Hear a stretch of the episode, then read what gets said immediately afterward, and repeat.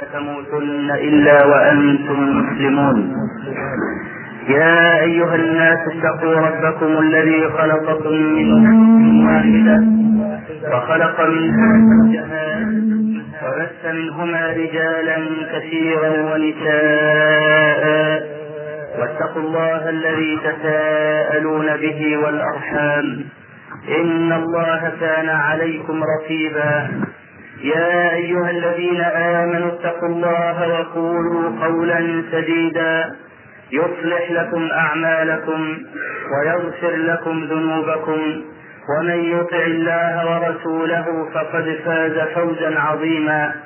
أما بعد فإن أصدق الحديث كتاب الله تعالى وأحسن الهدي هدي محمد صلى الله عليه وآله وسلم. وشر الأمور محدثاتها وكل محدثة بدعة وكل بدعة ضلالة وكل ضلالة في النار.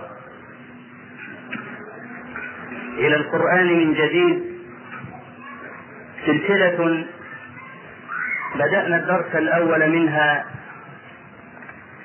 في الجمعة الماضية وهذا هو الثاني منها ومن مقصودي بهذه الجدة هو أن نعظم القرآن الكريم التعظيم اللائق به من جهة أنه كلام الله سبحانه وتعالى. ولا يجمل بمحب أن يلقى إليه القول فلا يفقه منه إلا قليلا. وهذا هو حال الجماهير. لا تفقه من القرآن إلا النزر اليسير. ولو أنها أمعنت فيه كما تمعن في غيره لوقفت على عجائب من هذا الكتاب تزيدهم إيمانا على إيمان. إن النبي صلى الله عليه وآله وسلم من باب تعظيم القرآن الكريم قال بئس لأحدكم أن يقول نسيت آية كذا وكذا. إنما ليقل نسيت. فما هو الفرق بين نسيت ونسيت؟ نسيت كأن النسيان صدر منك ولا يكون النسيان إلا عن إهمال فأنت عندما تقول نسيت آية كذا وكذا كأنك تقول أهملتها. تركتها حتى تفلتت مني ولا يناسب هذا عزة الكتاب.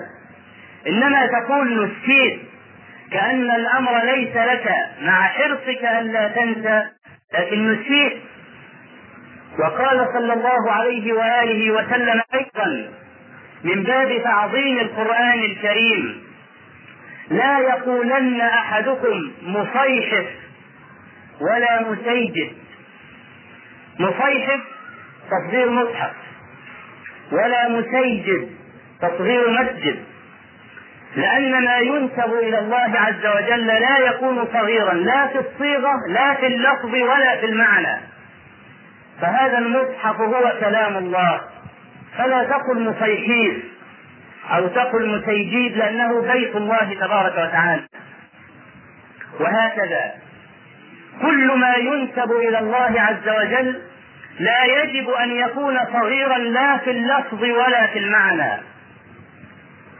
كان النبي صلى الله عليه وآله وسلم يدعو اللهم اجعل القرآن العظيم ربيع قلبي وجلاء همي وحزني.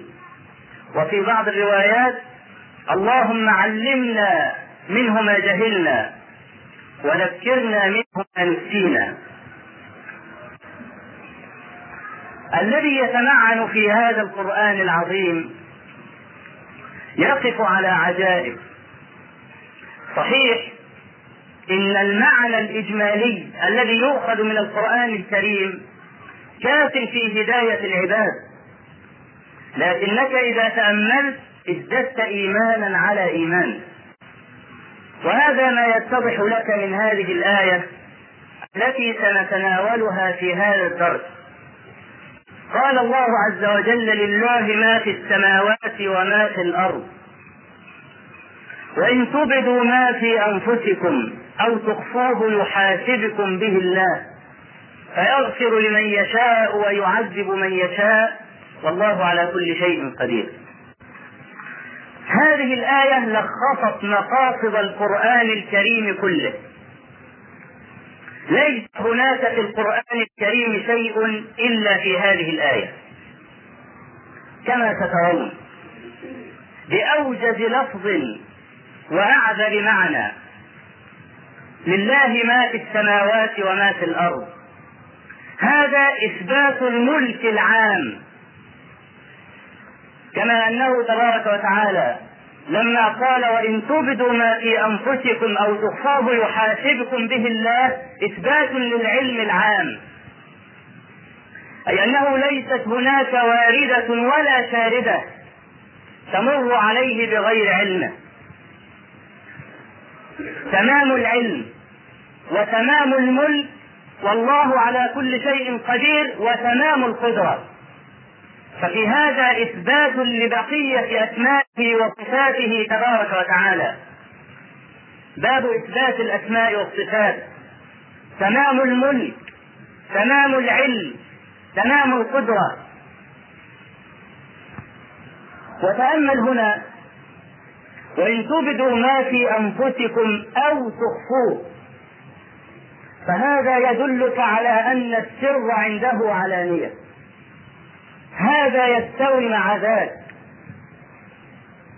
وبهذا المعنى تفهم النكتة اللطيفة الخفية في قول الله تبارك وتعالى وكم أهلكنا من القرون من بعد نوح وكفى بربك بذنوب عباده خبيرا بصيرا. لماذا خص الذنوب بالذكر؟ وكفى بربك بذنوب عباده. لماذا خص الذنب فقط؟ ولم يكن المعنى وكفى بربك بعباده خبيرا بصيرا وهذه تشمل كل شيء. لأن الذنب يفعله العبد وهو مستتر. ويسعى في ألا يراه أحد. ومن الذنب ما يدور بخاطرك من الأوهام السيئة. كما قال صلى الله عليه وسلم الإثم ما حاك في صدرك وخشيت أن يطلع عليه الناس. فالعبد إذا فعل الذنب سعى جاهدا في إخفائه. فلأن يكون الله تبارك وتعالى يعلم الذنب الذي تبالغ أنت في إخفائه فلا شك أنه فيما دون ذلك أعلم وأعلم. لأن الناس يحبون المدح بل كثير منهم يحبون أن يحمدوا بما لم يفعلوا. كل إنسان حريص أن يمدح فهو حريص أن يجهر بالخير الذي يفعله. وقل من الناس من يخفي ورعه ويعامل الأعمال الصالحات كمعاملة المذنب للذنب حال إتيانه. كم من الناس إذا فعل الصالحات حاول أن يستتر كما استتر الذي يفعل الذنب. كم من الناس قلائل جدا. هم كالشعرة البيضاء في جلد الثور الأسود. الذين يخفون ورعهم فهذا يدلك على أن كثيرا من العباد يجهر بفعل الصالحات. بخلاف الذنب فقال تعالى وكفى به أي علما وإحاطة ومعرفة بذنوب عباده التي يحاولون إخفاءها ويجتهدون في أن لا يراهم أحد وكفى به بذنوب عباده خبيرا بصيرا. وإن تبدوا ما في أنفسكم أو تخفوه وتجتهدوا في إخفائه يحاسبكم به الله. قال تعالى يحاسبكم. وهذا لا يقتضي يعذبكم. لأن الحساب لا يقتضي أن يكون خلفه عقاب. حساب ثم ينجو. مع أن الحساب في ذاته عذاب. لقوله صلى الله عليه وآله وسلم من نوقش الحساب عذب.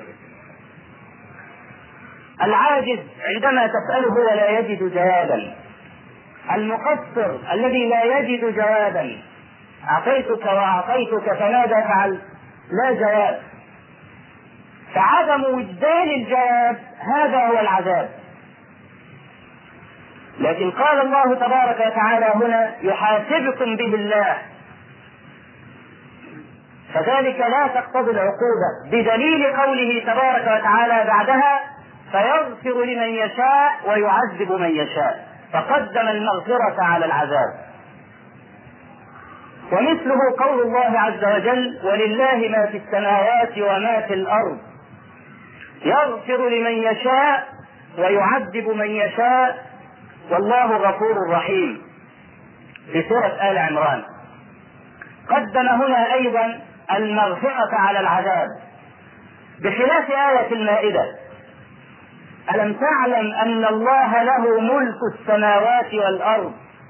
يعذب من يشاء ويغفر لمن يشاء والله على كل شيء قدير فقدم العذاب. كل شيء في القرآن الكريم لا يكون إلا لحكمة في موضعها. قدم المغفرة في الآيتين على العذاب في البقرة وفي آل عمران وقدم العذاب في المائدة. وأنت إذا تأملت وقفت على الحكمة في هذا التقديم. في سورة البقرة قال تعالى وإن تبدوا ما في أنفسكم أو تخفوه يحاسبكم به الله. وفي الآيات بعد ذلك لما علمنا الله تبارك وتعالى كيف نستغفره ربنا لا تؤاخذنا إن نسينا أو أخطأنا. قال استجبت. ربنا ولا تحمل علينا إصرا كما حملته على الذين من قبلنا. قال استجبت. ربنا ولا تحملنا ما لا طاقة لنا به. قال استجبت. واعف عنا واغفر لنا وارحمنا. أنت مولانا فانصرنا على القوم الكافرين. قال استجبت. كما هو ثابت في صحيح مسلم. فهذه الاستجابة ناسبت أن تتقدم المغفرة على العذاب لأنه أخرها ورحمهم هذه واحدة. ثانيا هذه الآية نزلت في حق المؤمنين. كما يدلنا على ذلك الآيتان بعدها والحديث الذي رواه مسلم من حديث أبي هريرة وسقت بعض لفظه الآن. وثبت عند الترمذي وغيره أن الله تبارك وتعالى يدني المؤمن إلى كنفه يوم القيامة. وهذا لتوضيح معنى أن يحاسبكم لا تساوي يعاقبكم. يحاسب ويغفر تبارك وتعالى. يدني الله تبارك وتعالى المؤمن إلى كنفه يوم القيامة. ثم يقول له عبدي فعلت كذا وكذا يوم كذا وكذا. يقول نعم يا رب يقول أنا أغفر لك. وفعلت كذا وكذا يوم كذا وكذا. فيقول نعم يا رب يقول أنا أغفر لك. فيقرره بذنوبه ذنبا ذنبا. ويقول له فأنا أغفر لك. هكذا بلا فضيحة. هكذا بلا فضيحة. الحديث يدني الله تبارك وتعالى المؤمن إلى سنته يوم القيامة. فهو حاسبه أم لا؟ حاسبه لكن غفر له. فيحاسبكم لا تقتضي يعاقبكم إنما يحاسب ويغفر. ففي حق المؤمنين ناسب تقديم المغفرة على العذاب. كما قال تعالى نبئ عبادي أني أنا الغفور الرحيم. وأن عذابي هو العذاب الأليم. فقدم أيضا مغفرته عز وجل. وفي الحديث القدسي عند البخاري وغيره إن الله تبارك وتعالى كتب في كتاب عنده تحت العرش إن رحمتي تغلب غضبي. إن رحمتي تغلب غضبي. فناسب أن تتقدم المغفرة هنا. وفي آل عمران ولله ما في السماوات وما في الأرض. يغفر لمن يشاء ويعذب من يشاء. والله غفور رحيم. اقرأ ما قبلها. ثم استحضر الأحاديث التي قالها النبي صلى الله عليه وسلم. في هذه الواقعة يظهر لك المعنى. قال تعالى ليقطع طرفا من الذين كفروا أو يكبتهم. فينقلبوا خاسرين ليس لك من الأمر شيء أو يتوب عليهم أو يعذبهم فإنهم ظالمون ولله ما في السماوات وما في الأرض. يغفر لمن يشاء ويعذب من يشاء والله غفور رحيم. لما حدثت واقعة أحد وكسروا رباعية النبي صلى الله عليه وسلم وشجوا رأسه قال صلى الله عليه وسلم كيف يفلح قوم شجوا رأس نبيهم؟ فنزل قوله تعالى ليس لك من الأمر شيء أو يتوب عليهم أو يعذبهم فإنهم ظالمون. وفي الترمذي من حديث ابن عمر أن النبي صلى الله عليه وآله وسلم كان يدعو على أربعة نفر.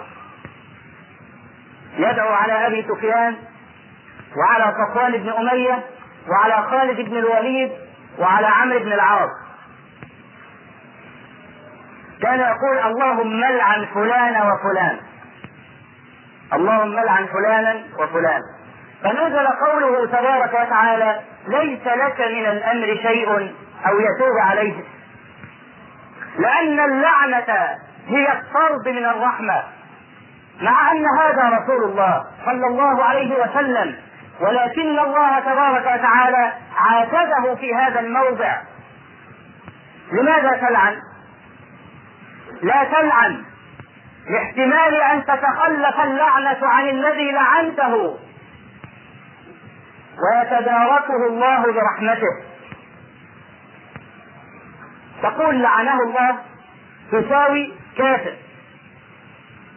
في بعض معانيها. لأن اللعن هو الطرد من الرحمة. فمن أدراك أن هذا مطرود من رحمة الله؟ هل أنت ناجم؟ لذلك نهى النبي صلى الله عليه وسلم عن لعن الدواب. الدواب الحمر البهائم. لا يجوز لك أن تلعن بهيمة. أفيحل لك أن تلعن مسلما؟ في الحديث الصحيح أن عائشة رضي الله عنها أن رجلا وكانت هذه الواقعة في غزوة مع قلة الظهر قلة الركائب. ورجل لعن دابة فأمره أن ينزل من على ظهرها. وتركها. وقال لا تصحبنا دابة ملعونة. مع حاجة المسلمين إلى الظهر آنذاك. لكنه لعن الدابة. فاللعن عظيم جدا. بعض الناس يقرأ مثلا قوله صلى الله عليه وسلم عن النساء الكاسيات العاريات اللواتي رؤوسهن كأسنمة البخت المائلة. ثبت عند أحمد وغيره أن النبي عليه الصلاة والسلام قال فلعنوهن إنهن ملعونات. فإذا مرت عليك امرأة متبرجة هل يجوز أن تقول لها لعنة الله؟ هل يجوز أن تقول لها لعنة الله بمقتضى هذا الحديث؟ الجواب لا. العنوهن العنوا الفعل أو العنوا الجنس لا تلعن العين كما لو قلت مثلا إذا رأيت الظالمين فالعنهم فأنت تقول لعنة الله على الظالمين. فمن كان من جنس الظالمين حقت عليه اللعنة.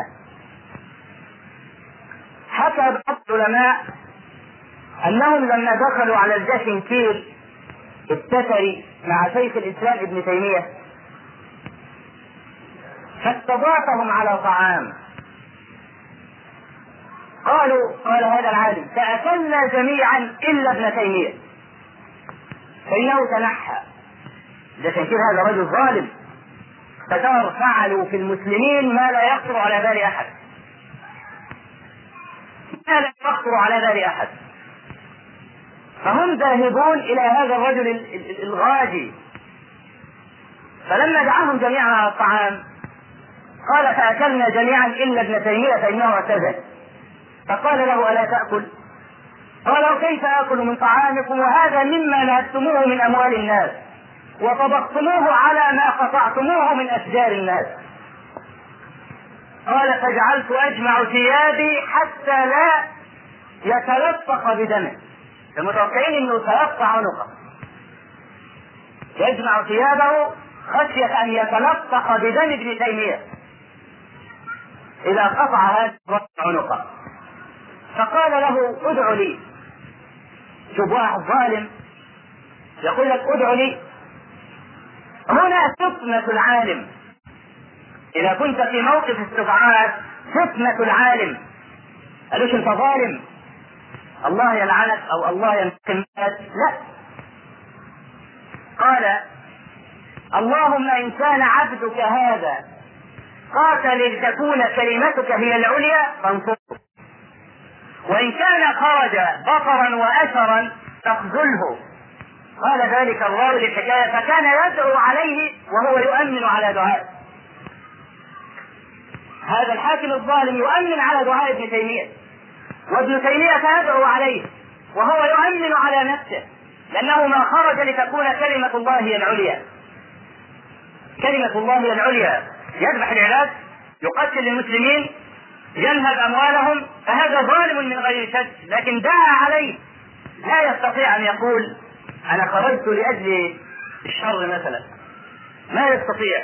فكان يدعو على نفسه كان يؤمن وابن تيمية يدعو عليه. فهذا دعاء عام.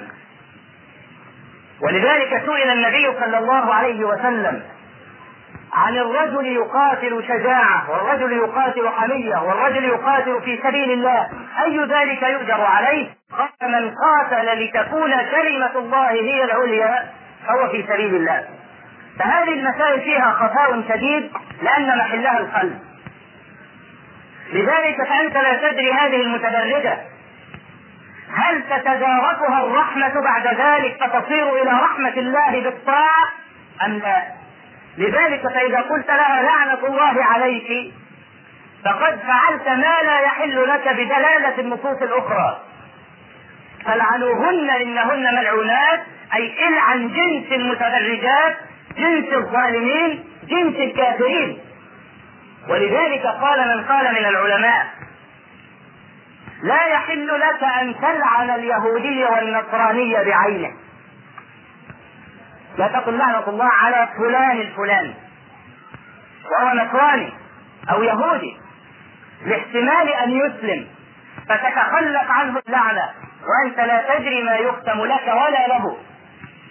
واستدل أبو حامد الغزالي على ذلك بقول الله عز وجل إن الذين كفروا وماتوا وهم كفار أولئك عليهم لعنة الله والملائكة والناس أجمعين. فذكر فاحتج لهذا القيد ماتوا وهم كفار. فمن أدراك أنه مات كافرا؟ ماتوا وهم كفار. إذا لا يستحقون لعنة الله والملائكة والناس أجمعين إلا إذا ماتوا وهم كفار وأنت لا تدري ما يختم له. لذلك لا يحل لك أن تلعنه. فإذا كان لا يحل لك أن تلعن يهوديا أو نصرانيا بعينه أو بهيمة أفيحل لك أن تلعن مسلما؟ عاصيا؟ لا. فالنبي عليه الصلاة والسلام لما قال اللهم العن فلانا وفلانا وفلانا وصدق في علم الله أنهم يسلمون بعد ذلك قال ليس لك من الأمر شيء.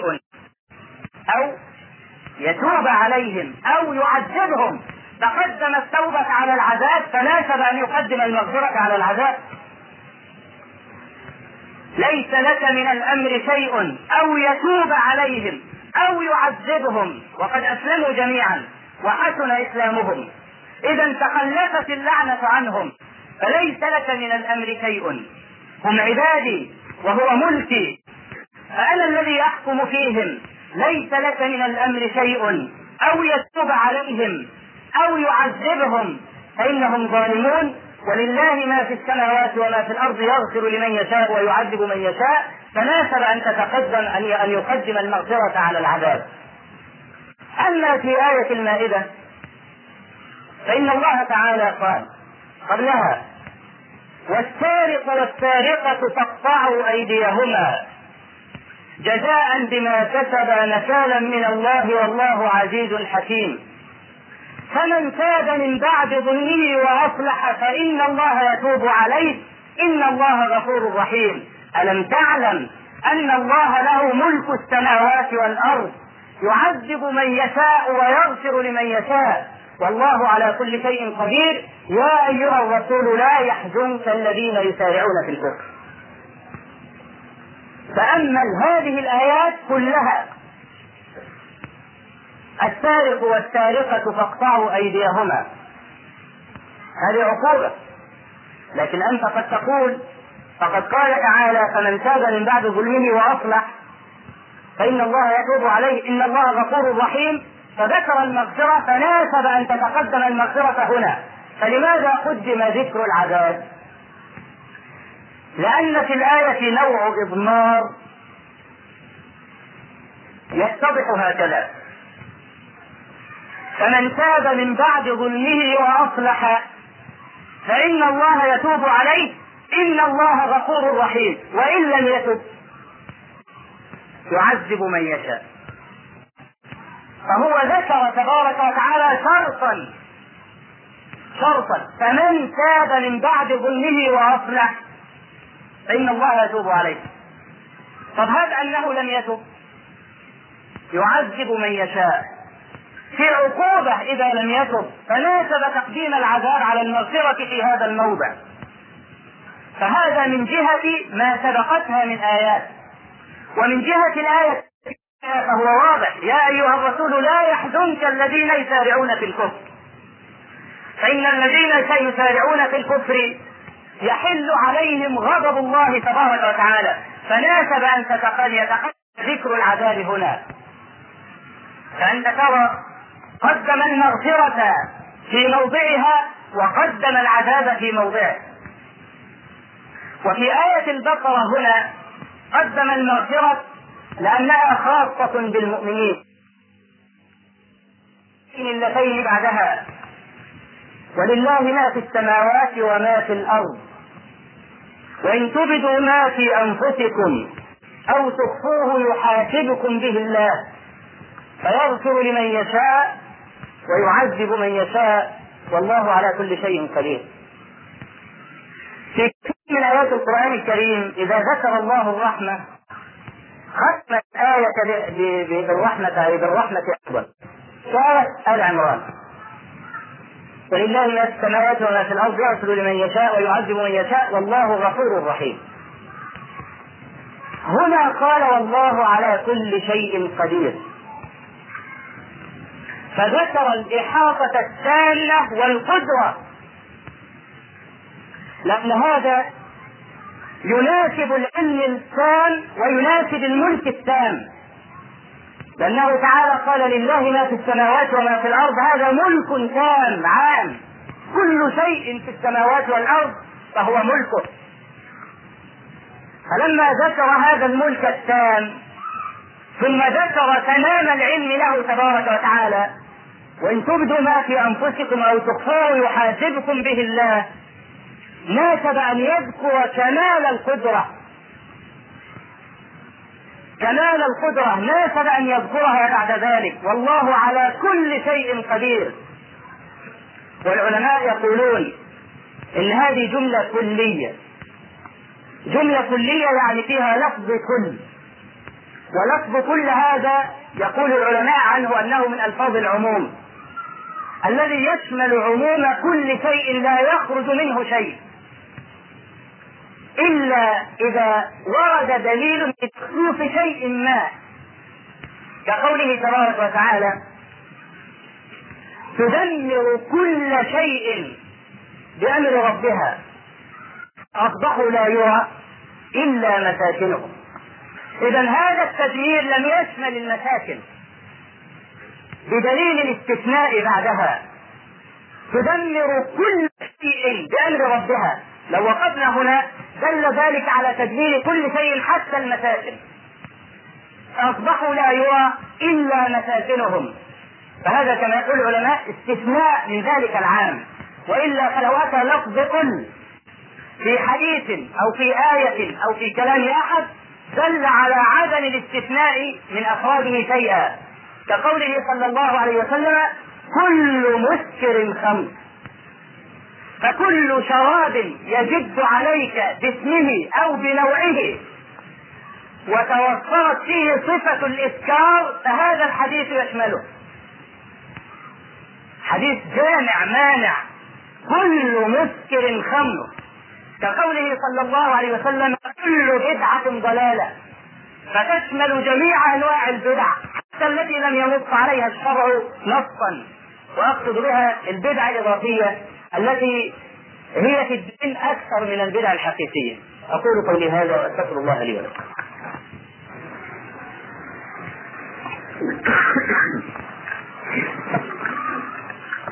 الحمد لله رب العالمين. له الحمد الحسن والثناء الجميل. وأشهد أن لا إله إلا الله وحده لا شريك له.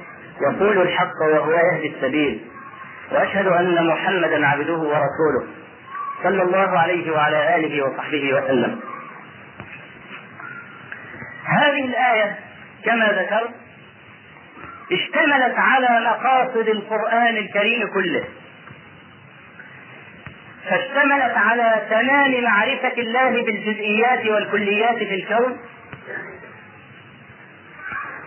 واشتملت على تمام العلم وتمام الملك وتمام القدرة وفي هذا تثبيت لأسمائه الحسنى وصفاته العلى. واشتملت على بحث الوعد والوعيد ولا يكون الوعد والوعيد إلا بأمر أو نهي ولا يكون أمر أو نهي إلا عن طريق نبي. إذ لا يصح أن يثبت تعذيب خلق إلا بعد بعثة النبي. لذلك قال الله تبارك وتعالى وما كنا معذبين حتى نبعث رسولا. فإذا أثبت العذاب على عبده فأثبت وصول الأمر والنهي إليه. وهذا لا يكون إلا عن طريق الرسالة والبلاغ ولا يكون إلا عن طريق نبي. ففي هذه الآية إثبات لنبوة الأنبياء. وفي هذه الآية إثبات لكمال لطف الله تبارك وتعالى بعبده وتمام عدله. لأنه لا يغفر إلا عن فضل ولا يعذب إلا بالعدل فيغفر لمن يشاء فضلا منه ويعذب من يشاء عدلا منه. فهذا إثبات لنبوة لرسالة الرسل وإثبات للأسماء الحسنى وإثبات للشرائع وللأمر والنهي والوعد والوعيد وإثبات ليوم القيامة. يغفر لمن يشاء ويعذب من يشاء. إثبات ليوم القيامة وهو يوم الجزاء. ومصائب العباد كلها نجمت عن عدم اعتقاد يوم القيامة اعتقادا قلبيا. فإن العبد إذا علم أنه يرد إلى الله تبارك وتعالى فيؤاخذه بالذرة وبمثقال الذرة. خشي أن يقف موقف الملام وخشي على نفسه من النار. لكنهم يتصرفون كما لو لم يكن هناك يوم حساب. فهذا إثبات أيضا للآخرة. والله على كل شيء قدير كما قلنا تمام الإحاطة وتمام العلم. بعد ذلك قال الله عز وجل آمن الرسول بما أنزل إليه من ربه والمؤمنون. هنا أيضا مناسبة لتقديم المغفرة على العذاب. يغفر لمن يشاء لأنهم آمنوا. فاستحقوا أن يغفر لهم. يغفر لمن يشاء آمن الرسول أنزل إليه من ربه والمؤمنون فهذا يدل كما قال ابن عباس وابن مسعود وابن عمر والحسن وعطاء وابن سيرين وخلف من الصحابة والتابعين أن هذه الآية والتي بعدها نسخت بعض معاني الآية المتقدمة. وإن تبدوا ما في أنفسكم أو تخفوه يحاسبكم به الله. فشق ذلك على الصحابة. فقالوا أمرنا بالجهاد والصلاة والصدقة. ففعلنا وهذا لا طاقة لنا به. وإن تبدوا ما في أنفسكم أو تخفوه على نحو ما وضحناه في الجمعة الماضية. فقال النبي صلى الله عليه وسلم تريدون أن تقولوا كما قال أهل الكتاب سمعنا وعصينا قولوا سمعنا وأطعنا. فلما قالوا سمعنا وأطعنا ذلت ألسنتهم بهذه الآية وقال الله عز وجل عقب كل دعاء فيها استجبت أو قد فعلت. فيقولون إن هذه الآية نسخت الآية السابقة. وأما شيخ الإسلام ابن تيمية رحمه الله فيقول أن الذي نسخ هو الفهم. ليس اللفظ. الفهم هو الذي نسخ. لأنهم لما سمعوا قوله تبارك وتعالى لا. تستطيع أنت إنك أنت تصلي فوق الخمس صلوات خمسين صلاة؟ تستطيع. اذا في امكانك وفي طاقتك أن تزيد على الخمس لكن لن يكلفك إلا الخمس. هذا هو الوسع. ولذلك لما أنت تقول للرجل أنا لا أطيق النظر إليك. نحن نعلم ضرورة انك تستطيع أن تنظر اليه ولكن يحصل لك نوع مشقة. فمعنى لا يكلف الله نفسا إلا وسعها الوسع هنا يضاد المشقة مش يضاد آخر الوسع. لا. ولذلك الحج إيه معنى مستطيع للحج؟ يعني انت لو مثلا قمت واخد أشياء في البيت أي إنسان في بيته يستطيع إنه يبيع بعض أشياء ضرورية ويحج لأن أي واحد في بيته عنده أشياء ثمينة يستطيع أن يبيعها ويحج. ومع ذلك لا يدخل هذا في الوسع. لا يدخل هذا في الوسع. لا يقال انك انت مقصر لأن أنت عندك أشياء في بيتك تساوي كذا بيعها وحج انما الوسع اللي هو اللي أنت بتفعله اليسر الذي يكون ضد المشقة مش ضد المحال ضد المشقة فقط. لذلك إذا أردت أن تحج عليك الاستطاعة أن يكون عندك فوق نفقة أهلك المال الذي به تستطيع أن تحج. طيب افرض إن أنت معاك مبلغ من المال لو لو رحت في الأتوبيس هتحج. لكن انت عايز تحج في الطيارة. ولو حجيت في الأتوبيس هتدوخ وتتعب ويحصل لك إرهاق شديد. وانت معاك بالفعل فلوس ممكن تحج فيها في للحافلة. هل إذا انتظرت مثلا لأنك لو حججت في الحافلة اللي هي الأتوبيس يعني حصل لك من المضرة مشقة ما أنت عالم به بالنسبة لظروفك الصحية. فانتظرت حتى تحصل مبلغ أكبر من هذا فتحج به هل يعتبر أنت بتخلف عن الحج؟ الجواب لا. إن الحج كما ورد في كثير من الآثار هو الزاد والراحلة. هو الزاد والراحلة.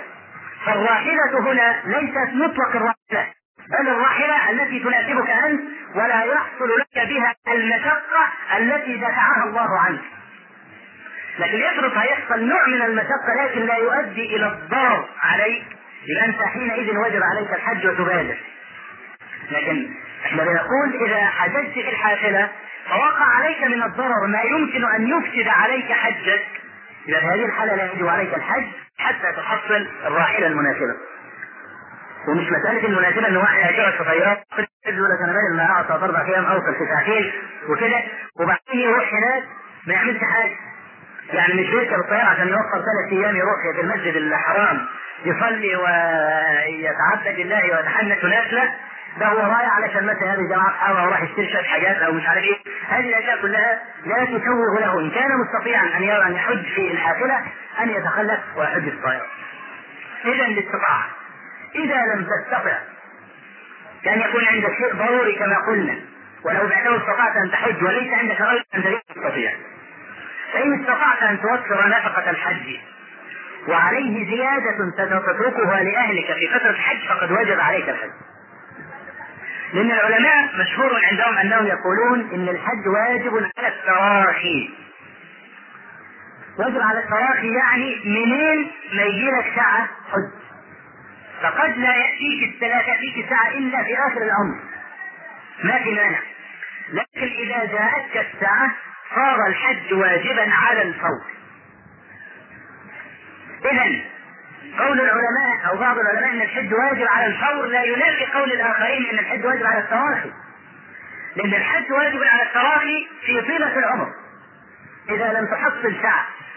فإذا حصلت ساعة فقد وجب عليك الحج على الفور. ليه؟ لأن الساعة التي من أجلها أرجو الله عنك الحج. من أول ما تبلغ جاءتك إذا الحج يكون واجب على الفور إذا توفرت لك الاستطاعة. ثانيا لا بد أن تتحرى المال الذي ذهبت تحج به. سألني رجل أول أمس عن قرض أخذه من بنك ربوي عشان يحج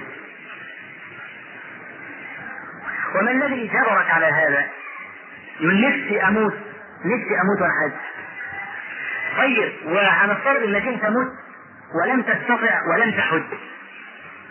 عليك شيء؟ ليس عليك شيء. عليك شيء بالاقتراض من البنك الربا والأكل بالفوائد الربويه طبعا عليك. فكيف تتوسل بمعصية إلى إثبات طاعة؟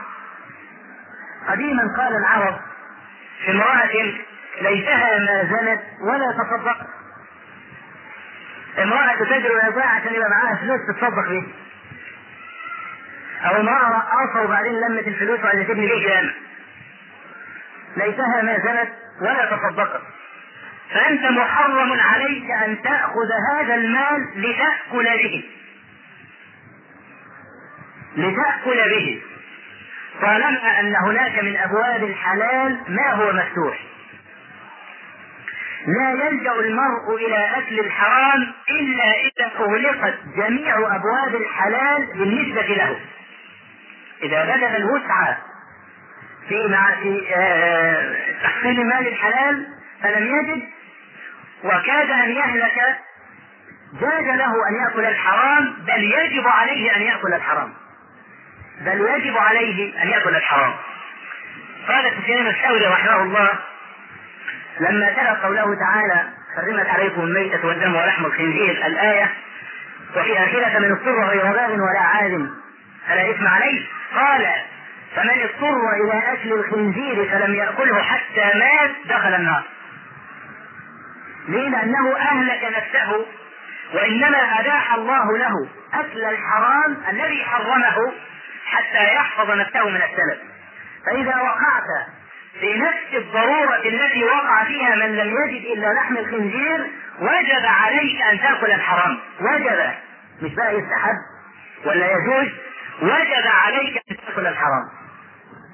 فشوف الشريعة وسماحة الشريعة.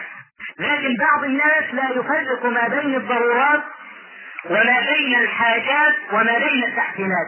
ولذلك أكل الحرام من أوسع أبوابه بمجرد حاجة عرضت له. مش ضرورة. الضرورة إنك أنت لو ما لو لم تفعل تموت أو تهلك أو تصاب بضرر عظيم جدا. هذه ضرورة. إنما الحاجة أقل من الضرورة في الدرجة وتشعر بمشقة في حياتك وتعب لكن تمشي. هي دي الحاجة. كان مثلا تكون رجل وسكنت بعيد وعملت بعيد عن سكنك وتشعر بتعب شديد من المشي وتتعب في المواصلات ونفسك عربية أو نفسك في موتوسيكل عشان توفر جهدك وتوفر وقتك لأنك بتروح البيت آخر النهار تعبان جدا. هذه ضرورة أم حاجة؟ هذه حاجة ليست ضرورة. بدليل إنك أنت لو لم تجد عرض من البنك الربوي لموتوسيكلات مثلا بالقسط أو سيارات بالقسط يعني لن تقف. لكن هذه لا شك حاجة أنت تحتاج إليها لكن هل هذه تساوي الضرورة اللي هي الرجل الذي مر على لحم الخنزير ولم يجد إلا لا هناك فرق. الضرورة لا تستقيم حياتك إلا لتحصيل هذا الشيء. لو لم تفعله وصدت بضرر لا تستطيع دفعه. إنما الحاجة ممكن تمشي لكن في مشقة. في الضرورة يباح لك الحرام في الحاجة لا يباح لك الحرام. إنما بعض العلماء جوز المكروه. المكروه اللي هو إيه؟ اللي هو لم يكن دليل قطعي على حرمته. وهناك بعض وجوه تدلك على الجواز. فالجواز مع بعض صور المنع لا ننطق بالحرمة لكن نقول بالكراهة ولكن العلماء يقولون جائز مع الكراهة في الحالة اللي زي يقول إذا ارتكب الإنسان شيئا من المكروهات مش المحرمات من المكروهات. لدفع حاجة الحاجة هي ترادف المشقة الشديدة فيجوزونها له. مع إن هذه المسألة فيها بحث طويل. تبقى مسألة التحسينات إن هو أنت مثلا عايز الشقة بتاعتك تدينها زين عايز تعملها نقاش عايز تعملها كذا السيارة تعبانة عايز تغير الموديل مثلا الموكيت ايدن عايز تغيره مثلا عايز تجيبه منقوش عايز تجيبه شارع عايز تجيبه مثلا. آه التليفون مثلا عايز مش عارف كذا البتاع عايز تعمله إيه كل هذه اسمها تحسينات لا يجوز لك أن ترتكب فيها لا محرما ولا مكروها إذا إحنا إذا عرفنا إيه؟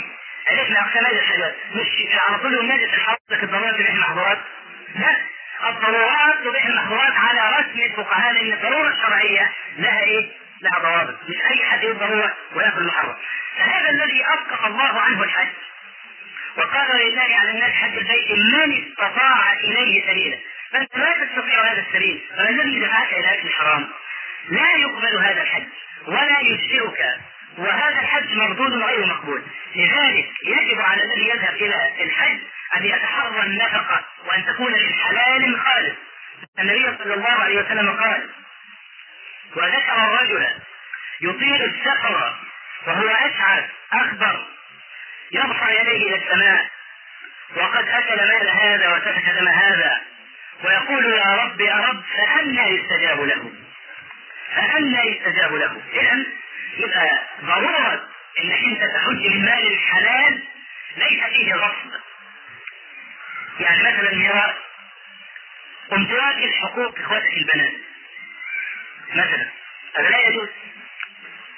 أهدرت حق البنات على العادة الجاهلية. إن البنات لهمش ميراث وويل للذين يلغون ميراث البنات.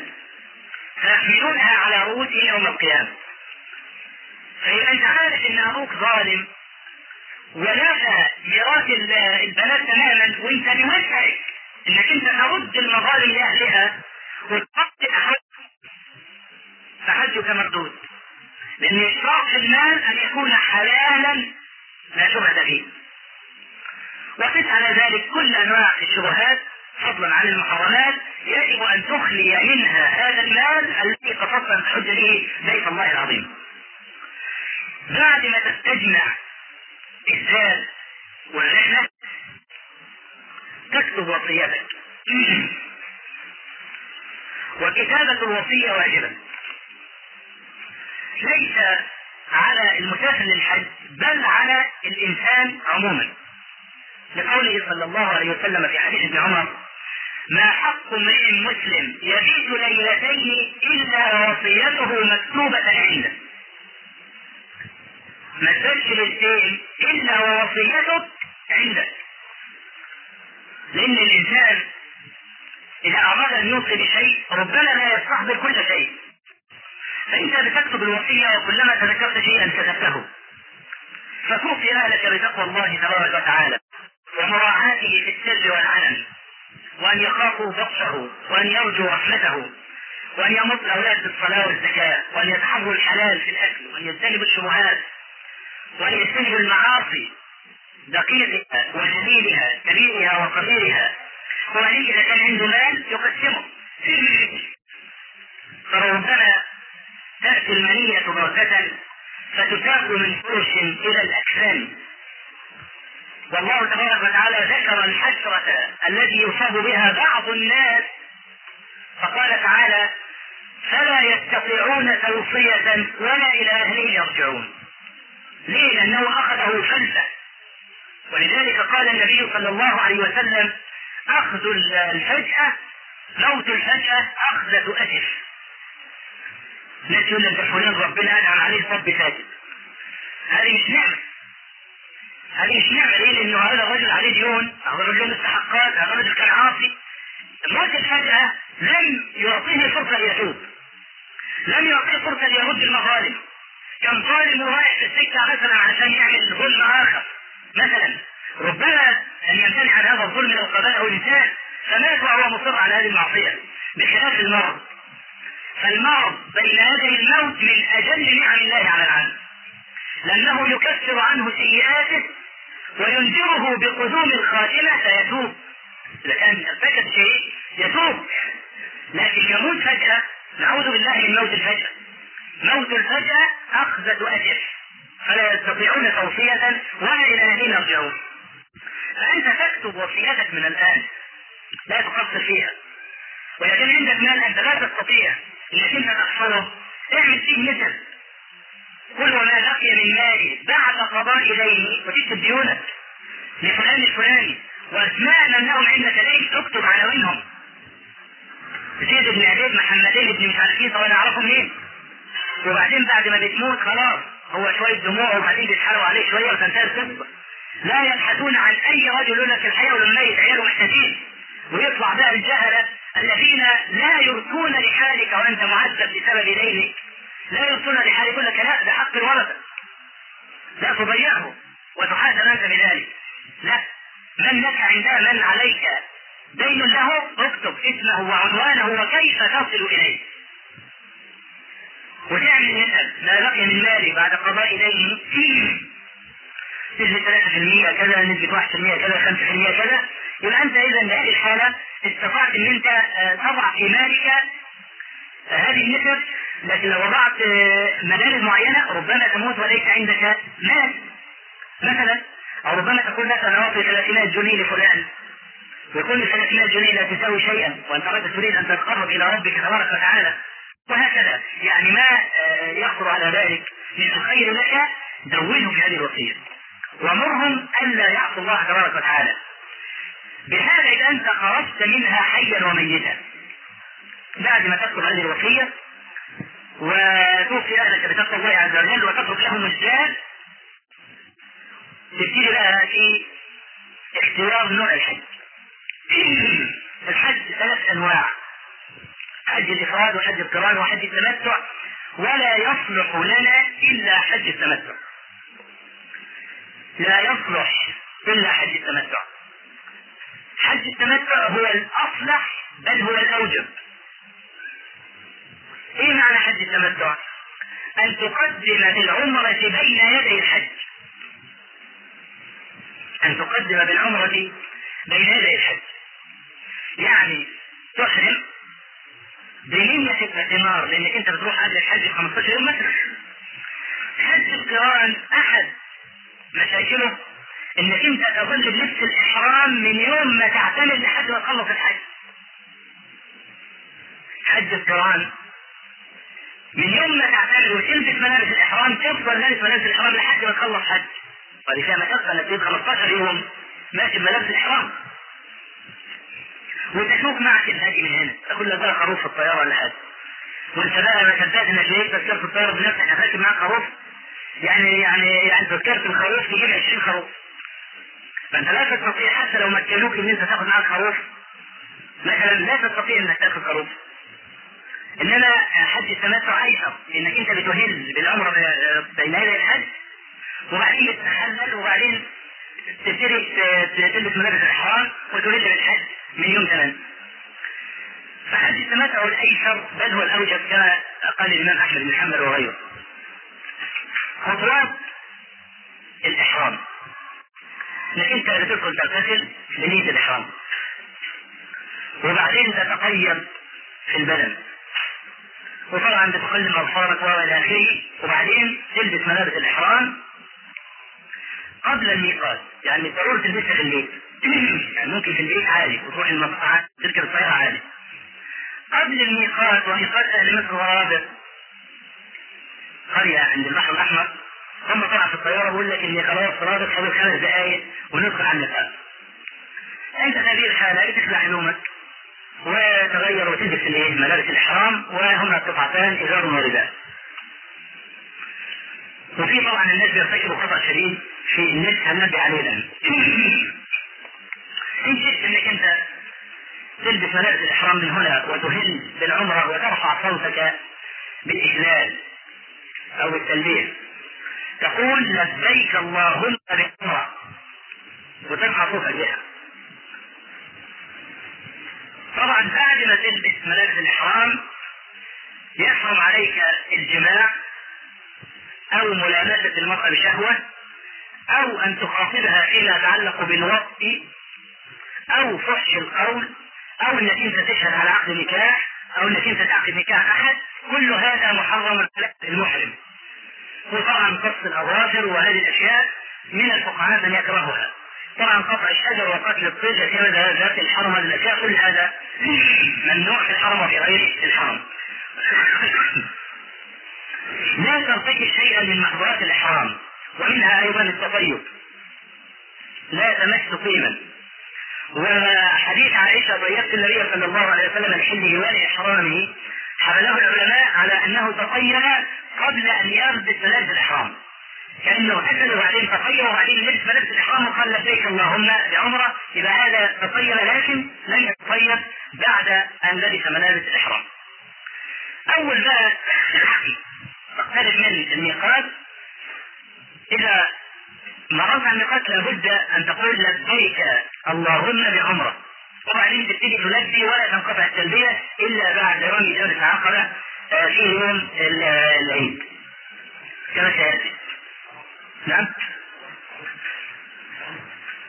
قال ما أنا بتكلم على التلبيه يعني إذا الإنسان بعد ما يحرم يبدأ في التلبيه والتلبيه فن كلما قابلت ركبا وكلما علوت شرفا كلما نزلت. أول ما بتنزل وهي أول خطوات العمره الفعلية بتنزل في مكه تدخل مسجد السلام إن استطعت. أول شيء بتفعله انك أنت بتطوف حول الكعبة. الطواف يبدأ بمحاذاة الحجر الأسعد ويكون على شمالك على يسارك. عاملين هم آه، خط بني شاني بني كده في مقابل الحجر الأسعد؟ فأنت بتبدأ بمحاذاة هذا الخط وبتبتدي الطواف آه، سبع أشواط. يستحب الرمل في الاشواط الثلاثة الأولى الرمل اللي هو الإسراع. الثلاثة الاشواط الأولى بيستحب فيها الرمل لكن تسرع قليلا. وتمشي مشيا طبيعيا في الاشواط الأربعة الباقية. ويستحب الاطباع في هذا الطواف فقط. لا اطباع إلا في هذا الطواف. الاطباع اللي مش ده إيه؟ بيعملوه هم طالعين من الاطباع انك انت تمرر الثوب من تحت اضفه الأيمن وترد طرفه على كتفك الأيمن. لا يشرع كشف الكتف الأيمن إلا في طرف قدوم. فقط. إنما فيما بعد ذلك لا يشرع لك أن تكشف كشفا تسمع الله طالعين وحطيت الذراع من هنا وخلاص انطبع في أذهانهم إن الحج لابد يدخلها من تحت راسه ويفضل ماشي طيلة الحج على هذا. من أول ما يطلع هنا لحد ما يخلع ملابس الإحرام وينهي حجه. وهذا لم يفعله النبي عليه الصلاة والسلام. هذا الطواف يستحق فيه شيئان لا يفعلان في غيره. الرمل في الأشواط الثلاثة الأولى يسرع. ولا يستحب الرمل إلا في هذا الطواف. وفي الثلاث الأشواط الأولى. ويستحب الاطباع وهو كشف الكف الأيمن. بعد ما هو بيصلي بعد ما بيطوف بيصلي برضه كتفه مكشوف. مع أن النبي صلى الله عليه وسلم قال كما في صحيح مسلم لا يصلين امرؤ بثوب ليس عليه من كتفيه شيء. فذكر شيخ الإسلام وغيره أنه يكره أن يصلي وبعضهم يحرم أن يصلي المرء وهو مكشوف الكتفين لأن هذه عورة خاصة بالصلاة. صحيح العورة المغلظة معروفة أو العورة في خارج الصلاة معروفة سواء كانت مغلظة أو ميسرة لكن في الصلاة الكتفين مع العورة. الكتفان عورة للصلاة خاصة. لذلك اللي بيصلي مثلا في ليلة حملات أو هذه الأشياء هذا لا يجوز. الذي يصلي وهو مكشوف في الكتف الأيمن مرتكب لمثل هذه المخالفة. طبعا وأنت تطوف كلما أتيت على الحجر الأسعد دي تشير إلى تقول الله أكبر بسم الله الله أكبر. إن استطعت إنك أنت تمس وتقبله فبها. فإن لم تستطع فلا تزاحم الناس. لأن النبي عليه الصلاة والسلام نهى عمر بن الخطاب عن مزاحمة الناس. إن عمر انه كان قوي. ففي ضعاف فلو كانت المسألة تقبيل الحجر لابد كان زمان ناس خلق كثير اتعجلوا في جبل الكعبة. فترك إيذاء الناس فرض وتقبيل الحجر الأسعد مستحب. فأنت بتترك بتترك أذى الخلق ولا تفعل الشيء المستحب ويكفيك إنك أنت تشير في كل مرة الحجر الأسعد تشير تقول الله أكبر. إن لم تستطع أن تصل إلى الحجر الأسعد فتمس وتقبله. ليست هناك أذكار خاصة بالطواف. أنت بقى تروح هناك تلاقي بقى جماعة عاجم كلهم ماسكين بقى كل واحد كتاب وزي ما يقول الطابور اللي هو إياه ده القطر ده وماشيين ورا بعض. وبعدين عشان ما يتوش من بعض لا يمكن لك على الإطلاق انك انت تمر في مسارك الطبيعي. عشان ما جماعة الله بقى سبحانه وتعالى يهديهم وينجينا وإياكم منهم. الواحد منهم عليه زهد تمام. واحد ماشي يكون ما هو ماشي يعمل كده. طب ليه؟ بيعمل كده ليه؟ علشان يحفظ المجرى بتاعه لأنه لو تاه هيروح. فعلشان يحفظ نفسه يوم يتعرض لهذا الخلق. فأنت يعني لابد إنك تكون محفوظ نفسك لا تسقط تحت الأقدام وبعدين تبقى يعني عارف إنك ممكن تاخد كتف كتف نوعي من أي واحد وأنت بطوط سواء كان من امام أو من وراء.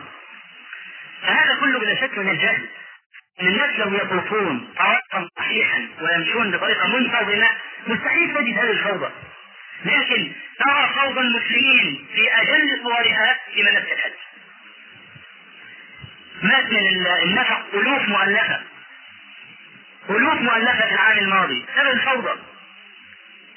بسبب الفوضى. يعني عدم الارتجال الذي حدث في الحجاج بسبب إن الكهرباء قطعت الشفرات وقفت وحيد كده والناس خافوا وسبقوا وقطع ذبان مع الكباري ولو بعضهم مع الكباري.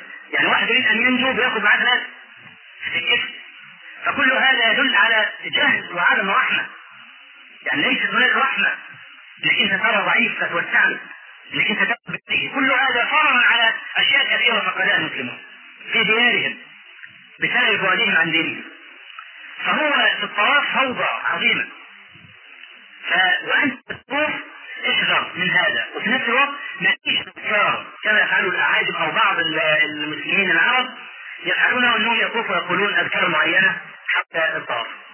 بعد أن تنهي الطواف تذهب خلف مقام إبراهيم وتتلو قوله تبارك وتعالى تخدم مقام إبراهيم مصلى وتصلي ركعتين استحب بعض العلماء فيها أن تقرأ ب قل يا أيها الكافرون وسورة الإخلاص اللي هي تناسب نفي الشرك وتمام إفراد العبودية والعبادة لله تبارك وتعالى وحده. بعد ما تنتهي من الطواف تذهب إلى السعي. أول ما تدخل على السعي تقول نعم إيه؟ ما في اسمه فإن استطعت لأن أفضل الحجر الآن انتقل. يعني الحجر لم يعد في مكانه الأول بسبب الزحام وبسبب التوسعات وبعدين يصعب جدا لتصلي هناك. يصعب جدا كي تصلي هذه الزحمة أنت بتأخذ آخر مكان من ناحية مقام إبراهيم وأحيانا لا تجد ناحية مقام إبراهيم أي ساعة لكي تصلي. بالذات في الحج. يعني انت ممكن الإنسان لو زاد يعتمد قد يجد في بعض فترات العام العمرة فيها خفه يعني في ازدحام إنما في الحج كتل سبحان الله يعني أول ما تدخل البيت المسجد الحرام وترى البيت العتيق يعني جسمك يقشعر. الكتل البشرية تمشي تموج موج البحر. أول بيت وضع للناس المكان الوحيد الذي لا تمل من كثرة رؤيته ولا زيارته البيت العتيق.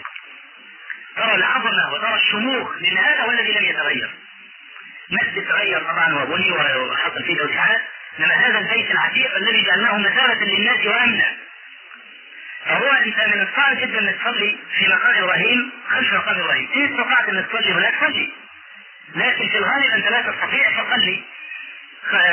خلف مقام إبراهيم في بعيد في آخر المكان وإن لم تستطع فصلي ركعتين اتجاه الكعبة. بعد ذلك تذهب إلى السعي وتقرا قوله تبارك وتعالى أبدأ بما بدأ الله به. ربنا سبحانه قال إن الصفا والمروة. إذا هتبدا انت إيه؟ سعيك من الصفا. لأن الله تبارك وتعالى بدأ بالصفا. والصفا جبل والمروة جبل. أنتم عارفين طبعا قصة أم إسماعيل عليه السلام لما كانت بتتعب بحثا عن الماء بتطلع فوق آه، جبل الصفا وهو طبعا أبقوا من جبل الصفا جزء قليل كده وطبعا لونوه وزخرفوه ويعني صنطوه يعني. فإنت بتقف على آه، جبل الصفا وبعدين لا تزاحم. يعني افرض إنك أنت لن تستطع من شدة الازدحام أن تقف على جبل الصفا قف في اسفله في اسفله واقرأ قوله تبارك وتعالى أبدأ بما بدأ الله به.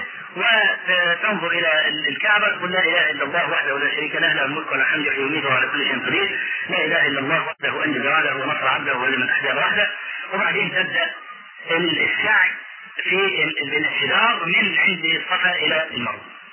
المسافة بين الصفا والمروة تقريبا حوالي 400 400 متر أو 405 متر. بتمشي مشيا عاديا حتى تصل إلى العمودين الأخضرين. هم عاملينهم كده من كل جهة باللون الأخضر. ف تسعى لكن مش جري بقى لانك ما تعرفش. ما تاخدهاش شغف وعدو لأ. أنت إيه عباره عن إيه خط كده مع عز كده. و يعني كان المسلمون يفعلونه اظهارا للقوة لأن المشركين ظنوا أن الحمى أنهكتهم لما دخلوا هاجروا إلى المدينة وأنهكتهم الحمى فظنوا أن ليس لهم عمر وإنهم تعبانين وخلاص. فذكر بعض العلماء إن السعي أو الرمل ما بين العمودين الأخضرين كان من حكمته إن إظهار القوة. ما يجيش واحد الآن يقول خلاص بقى مش كده راح وبعدين حمود القوة زي العملية مقفله وفيها تكييف وبتاع حمود القوة على بعض. فيقال إن هذه طاعة. طاعة. قد تكون معلله وقد تكون غير معلله يعني تقبيل الحجر الأسود انت بتفعله ليه؟ لأن الرسول عليه الصلاه والسلام فعله. فنفس الجواب هنا هو نفس الجواب هنا. كذلك نهي النبي عليه الصلاة والسلام لك أن تصلي وقت شروق الشمس وقت غروبها. ما فيش واحد يقول لا أنا لا بصلي للشمس ولا بصلي للمجوس ولا بصلي للبقر أنا بصلي لله فما يضرش إن أنا أصلي في وقت شروق الشمس ووقت غروبها. فيقال لا لأن النبي صلى الله عليه وسلم نهاك عن ذلك فأنت تنتهي. حتى وإن لم يكن للحكم الشرعي معنى معلل يعني إنما فعل ابتلاء لك ليرى الله تبارك وتعالى منك. أتمتثل وتؤمن أن تقول لا لابد أن أعرف حكمة قبل أن أفعل. فهو بين العمودين الأخضرين أنت إيه؟ بتقفز وبتجري خفيف وبعدين بعد كده بتمشي. وتذهب هناك إلى المروة وتقف على جبل المروة وتدعو الله تبارك وتعالى بما شئت من دعاء ثم تنحدر من المروة إلى الصفا وهكذا سبعة أشواط. ناس بقى هناك أنفهم انقطع من كثر السعي. ليه؟ لأنه فاكر الصفا المروة شوط فعملها 14 مرة. يعني الرجل الجلد يتعب. لكن في هذا الزحام الجلد القوي بيتعب ده بقى واخدها بقى من الصفا المروة ومن المروة للصفا ده شوط ولو أي أو عيش أي معلومة بالنسبة للساعه يعلم إن من الصفا للمروة شوط ومن المروة للصفا شوط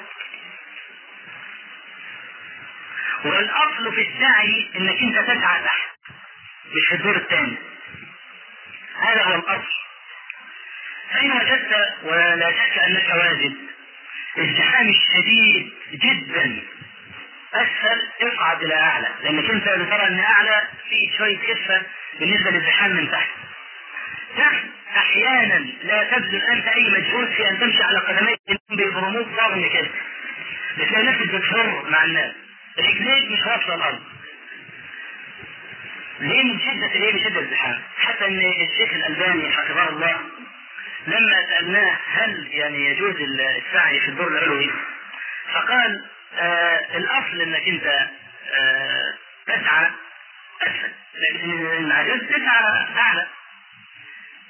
فقالوا طبعا هذا على حسب الاستطاعة والقدرة. فالمهم بعد ما بعد الساعة سعي الحج لما تقابلنا معه وجدت إن إيده كلها عبارة عن دم معقود. عشان رجل كبير يعني الله يحفظه ويمد في عمره. كبير وانت عارف العروق باردة شوية فوجدت إن هذا كله أحمر.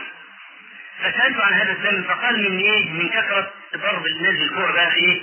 هو طبعا بيوسع نفسه فياخذ كوع هنا كوع فقلت له أين سعيد؟ فقال سعيد أسفل. فقلت أنت احتجنا انك إن السعي لا يكون أعلى يعني يكون أعلى للعاجز. قال أنا لست يعني. قال أنا اخلف وفضل إن هو يسعى في المكان الطبيعي للسعي على إنه يصعد إلى فوق ويتحمل نوع من المشقة. فإذا كان الإنسان يستطيع إنه يتحمل نوع من المشقة لا بأس لأن الأجر يكون على قدر المشقة. لكن هذه المشقة لا تستجلبها أنت على نفسك. هذا شرط. لأن مثلا لو واحد قال خلاص خلاص اسمع أقل مشقة أنا اخذ بقى رجلي على رجلي لحد السعوديه. ماشي على لكن هذا فيه مشقة شديدة وقد نهى النبي صلى الله عليه وسلم عن ذلك. صحيح الأجر على قدر المشقة لكن المشقة التي أتتك بغير اختيار منك. هذا شرط. المشقة التي أتتك بغير اختيار منك هذه تؤجر عليها. إنما أنت قادر على دفع المشقة فتختار المشقة يعاقبك الله تبارك وتعالى بالمشقة ذاتها. ولا تحصل الأجر. يعني أيهما أولى إنك أنت عندك قدرة إنك تحط في الطياره تروح مستريح عشان تصلي وتعمل المناسك براحة ولا تاخدها عربية من هنا؟ آه، تعبان مثلا آه، العربية نفسها تعبان وتروح هناك منهك عايز تنام؟ لا. كما أنه لا يجوز للعبد أن يفعل الذنب ليتوب منه. لا يجوز له أن يفعل ذلك. ولا يجوز له أن يهاجم العدو مثلا أو يعتدي على غيره ليدافع عن نفسه. وكل هذا لا يجوز. ومن أصول هذا الباب قوله صلى الله عليه وسلم لا تتمنوا لقاء العدو مع أن لقاء العدو لا يتم الجهاد إلا بمقابلته. يعني الجهاد هو اعلى أعلى اعلى فرائض الإسلام. لا يتم إلا بأن تقابل العدو. ومع ذلك قال النبي صلى الله عليه وسلم لا تتمنوا لقاء العدو ليه؟ لأن لا يجوز لك أن تستجلب المشقه على نفسك ابتداء ومن أصول هذا الباب قوله صلى الله عليه وسلم لا يتمنين أحدكم الموت مع إن الرسول عليه الصلاة والسلام قال في حديث آخر واعلموا أنكم لن تروا